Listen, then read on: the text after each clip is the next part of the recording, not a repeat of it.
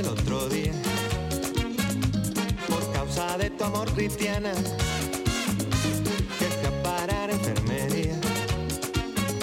Sin yo tener seguro de cama.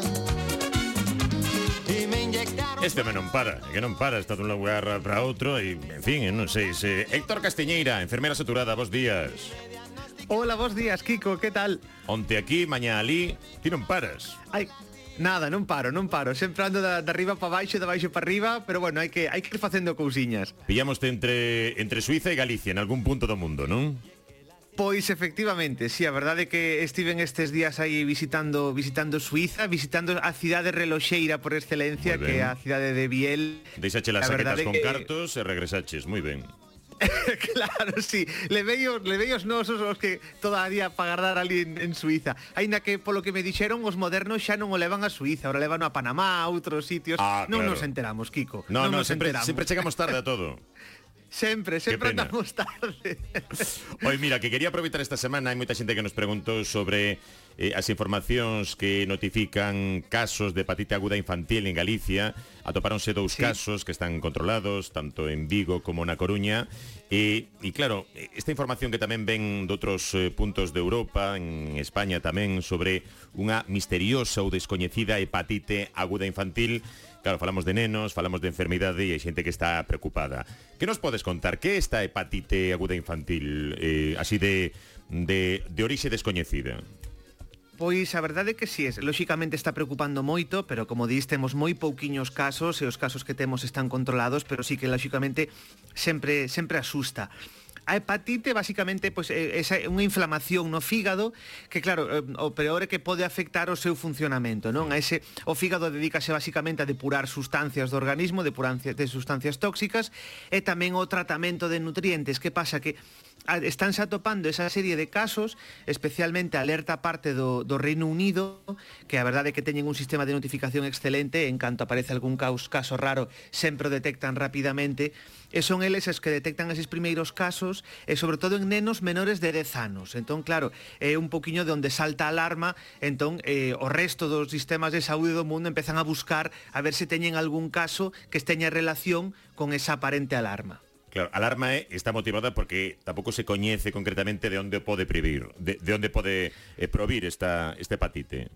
A diferencia Claro, é que realmente, claro, a, a principal causa das, das hepatites xeralmente é unha infección por un virus. Mm. A hepatite realmente pode estar causada por moitos por moitos problemas, pero o máis habitual é que sexa un virus. Temos eh, os virus que coñecemos que provocan a hepatitis, van dende, poñéñeselle letras, é, é moi original, e van o A, o B, o C, o D, o E, non? Van con van vándoselle letras do, do alfabeto.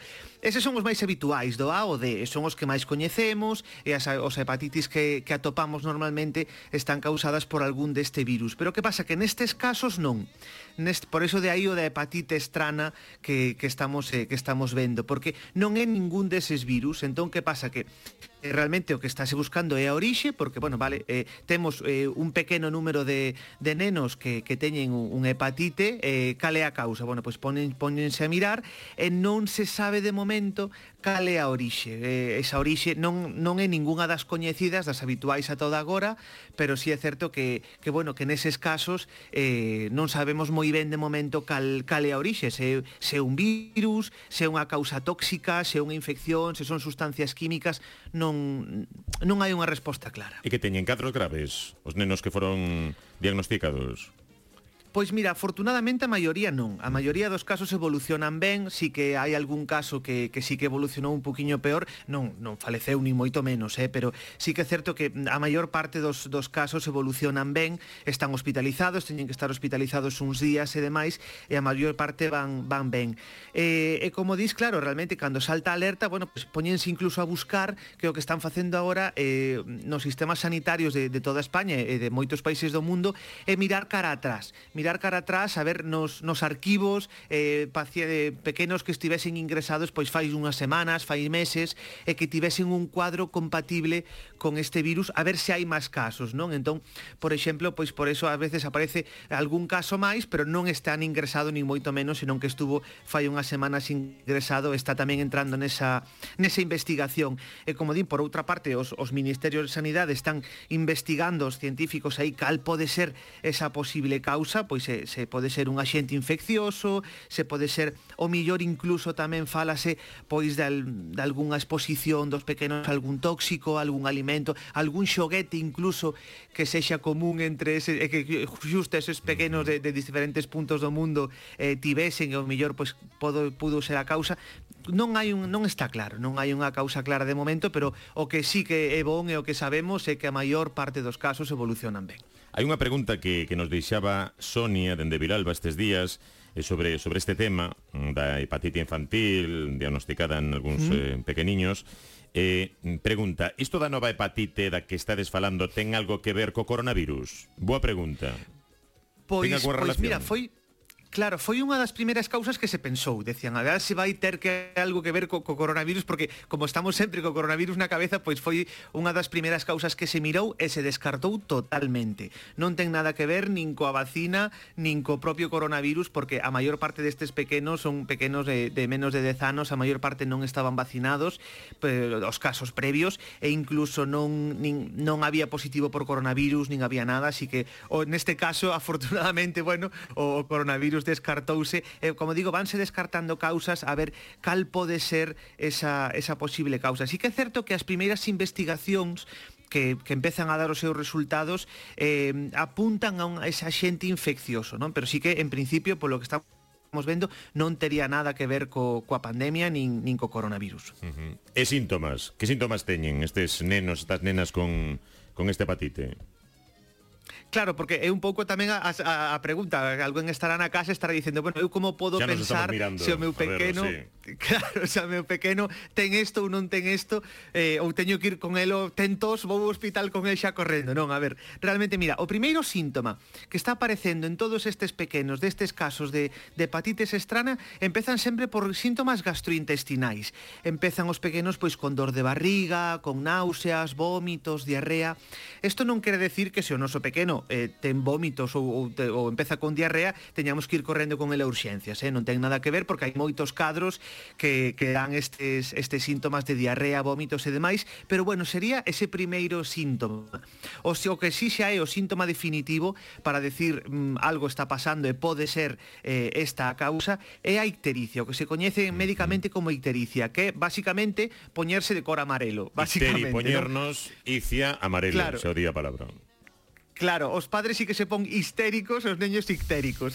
Pero onde te pos amarelo? Sí. É a pel, son os ollos? Eh, onde... Pois mira, que Prácticamente todo, realmente, eh, o, por exemplo, mira, un dos primeiros síntomas é que a parte branca dos ollos, mm. que sempre está branca, sí. pois se pon de cor amarelo. É un das cousas que dices, ui, esa parte que ten que estar branca sempre, eh, mira o pequeno a cara e ves que esa parte amarela dos ollos, esa parte branca dos ollos está amarela. Eh, e logo tamén o resto da pel, o resto da pel póñense cun ton, cun toras, un ton así amarillo, que non, que non é normal, e incluso tamén os ouriños empezan a ser máis oscuros, ese, ese color da pel amare, que así amarillo pois eh, vai facer tamén que o pequeno que lle pique a pel, entón vais estar rascando.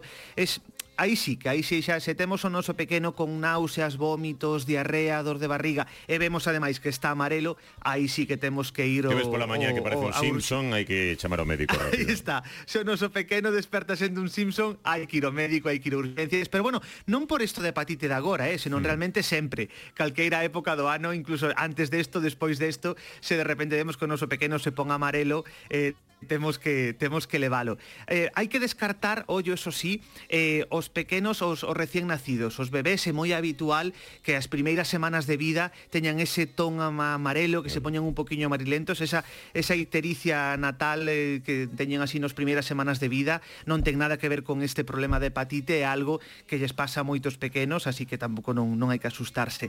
E logo, o que tampouco se está vendo que é un síntoma habitual é a febre, ou seja, mm. realmente mm. casi se se ten febre casi podíamos eh, descartar hepatite, non, non a vamos a descartar como tal, pero sí que non é un síntoma habitual esa, esa febre. Así que síntomas gastrointestinais unidos a ese ton eh, amarelo do, do pequeno. E este tipo de hepatites infecciosas podense pre, eh, previr de algún xeito? Alguna fórmula ou alguna forma para poder evitar algún tipo de contagio? É difícil, non?